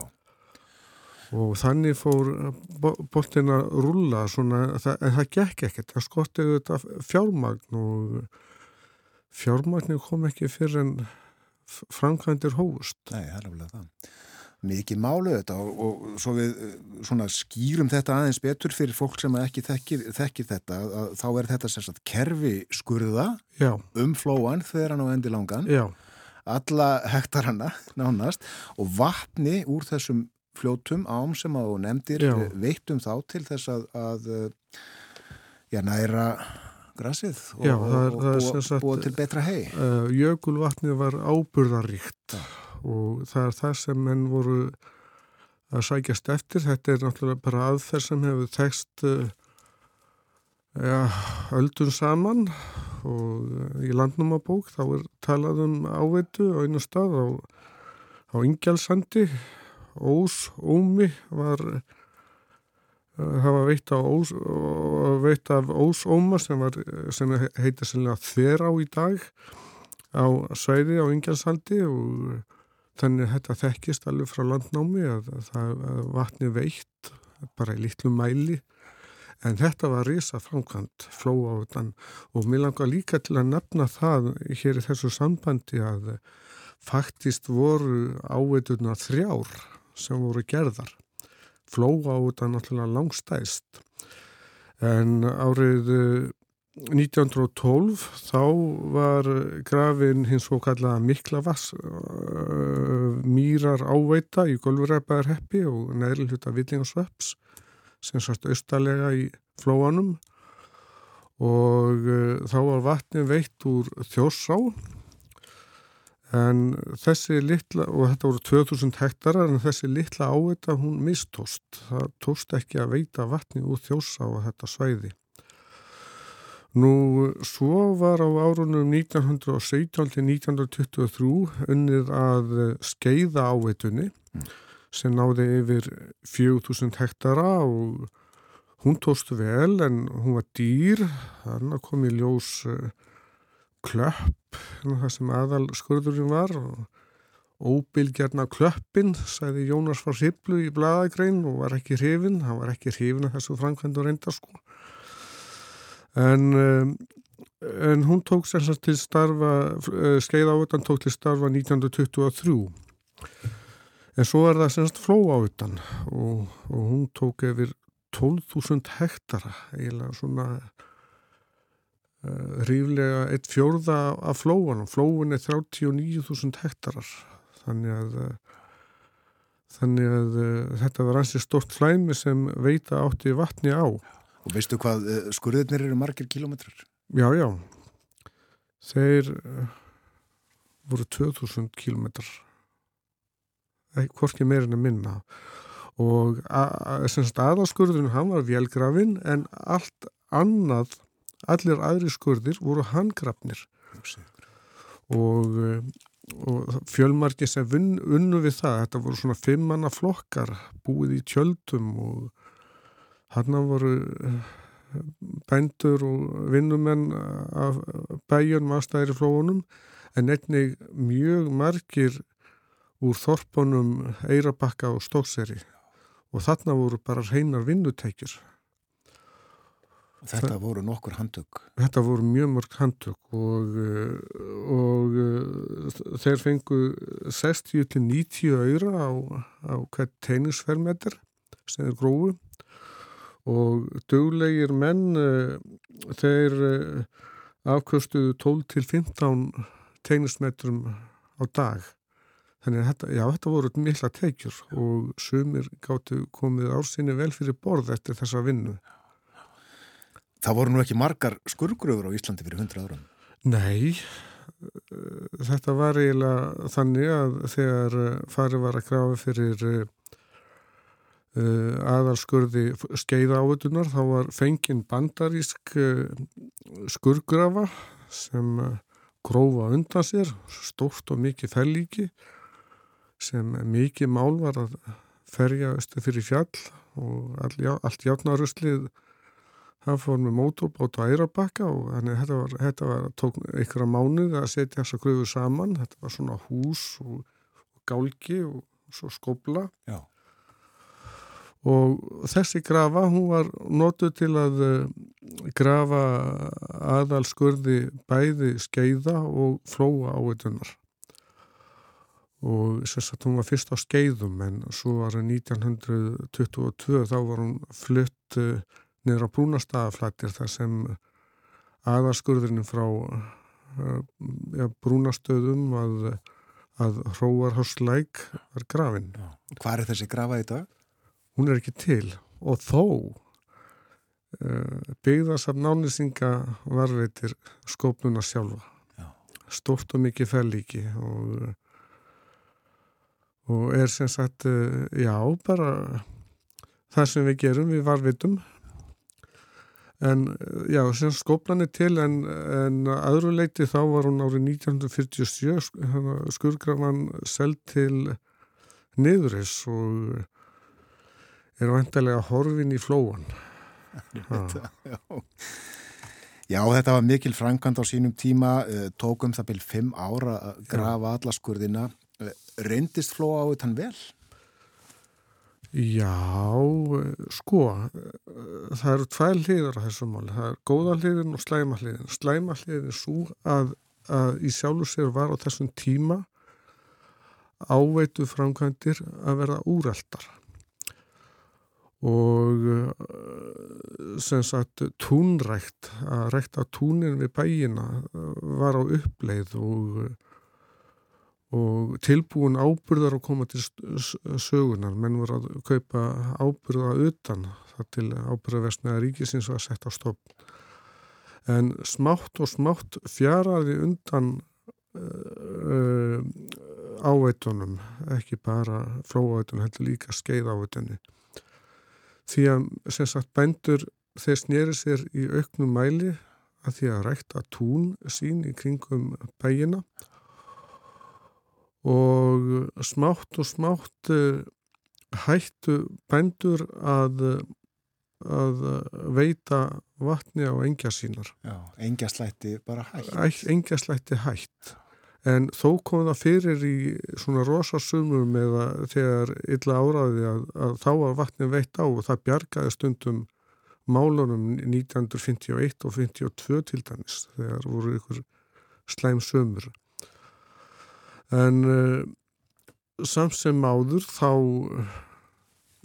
þá er uh, hún í sjálf og sér fungerandi ég held nú reyndar að stípluna séu allar farnar og, og flóðgarðarnir ornir eitthvað lastnir en allavega þá þá er, er staðan svo að í dag er til ennþá flóa áttu félagið og uh, þar er framkvæmdastjóri og þar er formaður og stjórn. Nú forfeðu mínir í þrjáallir voru þar formenn á sínum tíma. Bæði langafi og afi og svo pappi hver á eftir öðrum ekki, ja, hver, ekki hver á eftir öðrum en svona með ára, ára bílum á milli og uh, ég hitti nú í vetur hann ágætan fyrirvændi kaupamann og Littlusandík Haldur Blöndal sem allir þekkja mm. og hann var kaupamaður í tíu sömur í Littlusandík og hann myndist þess að að, að að það hafi verið eitt af verkefnunum í júni á hverju ári að hleypa vatni á engjarnanir á mýri. Í landi ég er útskýraðast betur ég er frá Littlusandík í Flóa og, Einmitt, og það rólst ég upp og, en þetta sagði Haldur mér þannig að hann hefur þess, Haldur Blöndal hann hefur tekið þátt í að vinna með Flóautuna Nú, þú, þú sér ekki fara að verða formaður í félaginu eins og Já, þá þurfti ég uh, að semja við sýstu mínum að fá að gera spóndi í litlu sandvík, ég held að það standi, ekki, standi nú ekki til. Ha, ég bara unin er sæl og gladur við byggðarsafn námnusinga.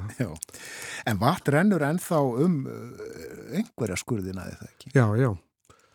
Og uh, ég tók mig til í gær og, og austur Selfoss, austur frá Selfossi að Ölfus Ölfusvars Ölfus Hols aflegjara og, og, og keirið þar í ykkur að 5 kilometra að gáttinni og hún er til. Þetta var náttúrulega heilmikil heilmikil uh,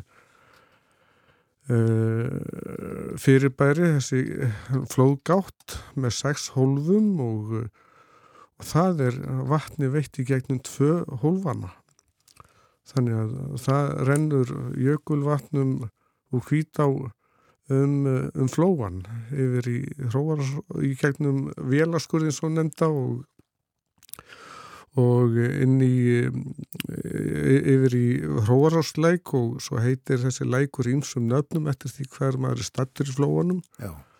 og næst heitir hann Baustaða á og uh, svo er einni veitt vatni á ymsa svona stærri skurði svona reppamarkaskurð og stekkakeldu og svo, svo ég nefnir sem dæmi. Akkurat. þannig að hún er, hún er fungerandi en, en, en óskup lítil starfsemi. Hundra árum síðar. Hundra árum síðar. Já, uh, En, en svo langar mig líka til að nefna það að það fylgdu þessari framkvæmd náttúrulega ímis mjög jákvæð áhrif. Ég var búin að nefna hennar, vinnuna, það er að segja kaupið sem það var mikil verkunartar sem fylgdi þessu og, og svo var að þetta, jú það var grasauki og, og þá gáttu, menn, gáttu bændur fjölgað kúnum. Þá þurfti að koma mjölkinni í verð og úr varðað flóa áttu félagið undirbjó stopnum mjölkubús sem síðan var að sérstökur samvinnufélagi, mjölkubú flóamanna og ég er fullir í það að Selfoss er ekki það að sá bær sem það er í, er í, er í dag ef flóa ávutan hefði ekki komið til sögunar. Selfoss, bærin Selfoss á sinn grundvöld að rekja til flóaátunar, mjölkubús flóamanna og svo seipaleiti og kaufélags ánesinga. Þannig að þannig hafði, þannig hafði sem sagt flóaátunan mikil áhrif á, á, á samfélagið og sömulegis var þetta með, með mjölkubú flóamanna að, að, að þar þar sem sagt voru ekki bara bændur í flóanu sem áttu taka þátt það voru eiginlega allir bændur á Suðurlandi kvartir til að taka þátt í, í, í flóabúinu. Og, og það var náttúrulega mikil búbót fyrir fátæka bændur að geta uh, látið mjölkina frá sér og fengið peninga í staðin. Akkurat. Þannig að þetta hafði mjög, þessi, á, þessi ávita, hún hafði mjög jákvæð áhrif á samfélagið þó að hún í sjálfu sér hafi verið úrælt bara í byrjun. Svona er þetta stundum. Já, 100 ár frá því að Frankvandir hóist við flóa ávitu og 95 ár síðan á var tekinni gagni. Þakkaði kellega fyrir að fara yfir þessa sögu, uh, löngu og merkilegu sögu í tiltúlega stuttum máli hér, uh, Líður Pálsson Sakfræðingur. Uh, við leituðum að lægi til þess að leika eftir þetta spjall okkar og ég staðnæmdist við Ólaf Þorrensson lappa í Glóru. Glóra er í flóanum, ekki satt? Já, já, í Röngiriseppi. Akkurat. Þannig að það er viðandi að hlusta á henni þetta ekki. Já, já, og þó að lappis ég ekki í glóru í dag, þá, þá hlustar hann vonandi á okkur núna og eru gladur. Við ána heitir þetta lag, það er líka viðegandi. Kæra þakki fyrir að koma til okkur. Takk fyrir.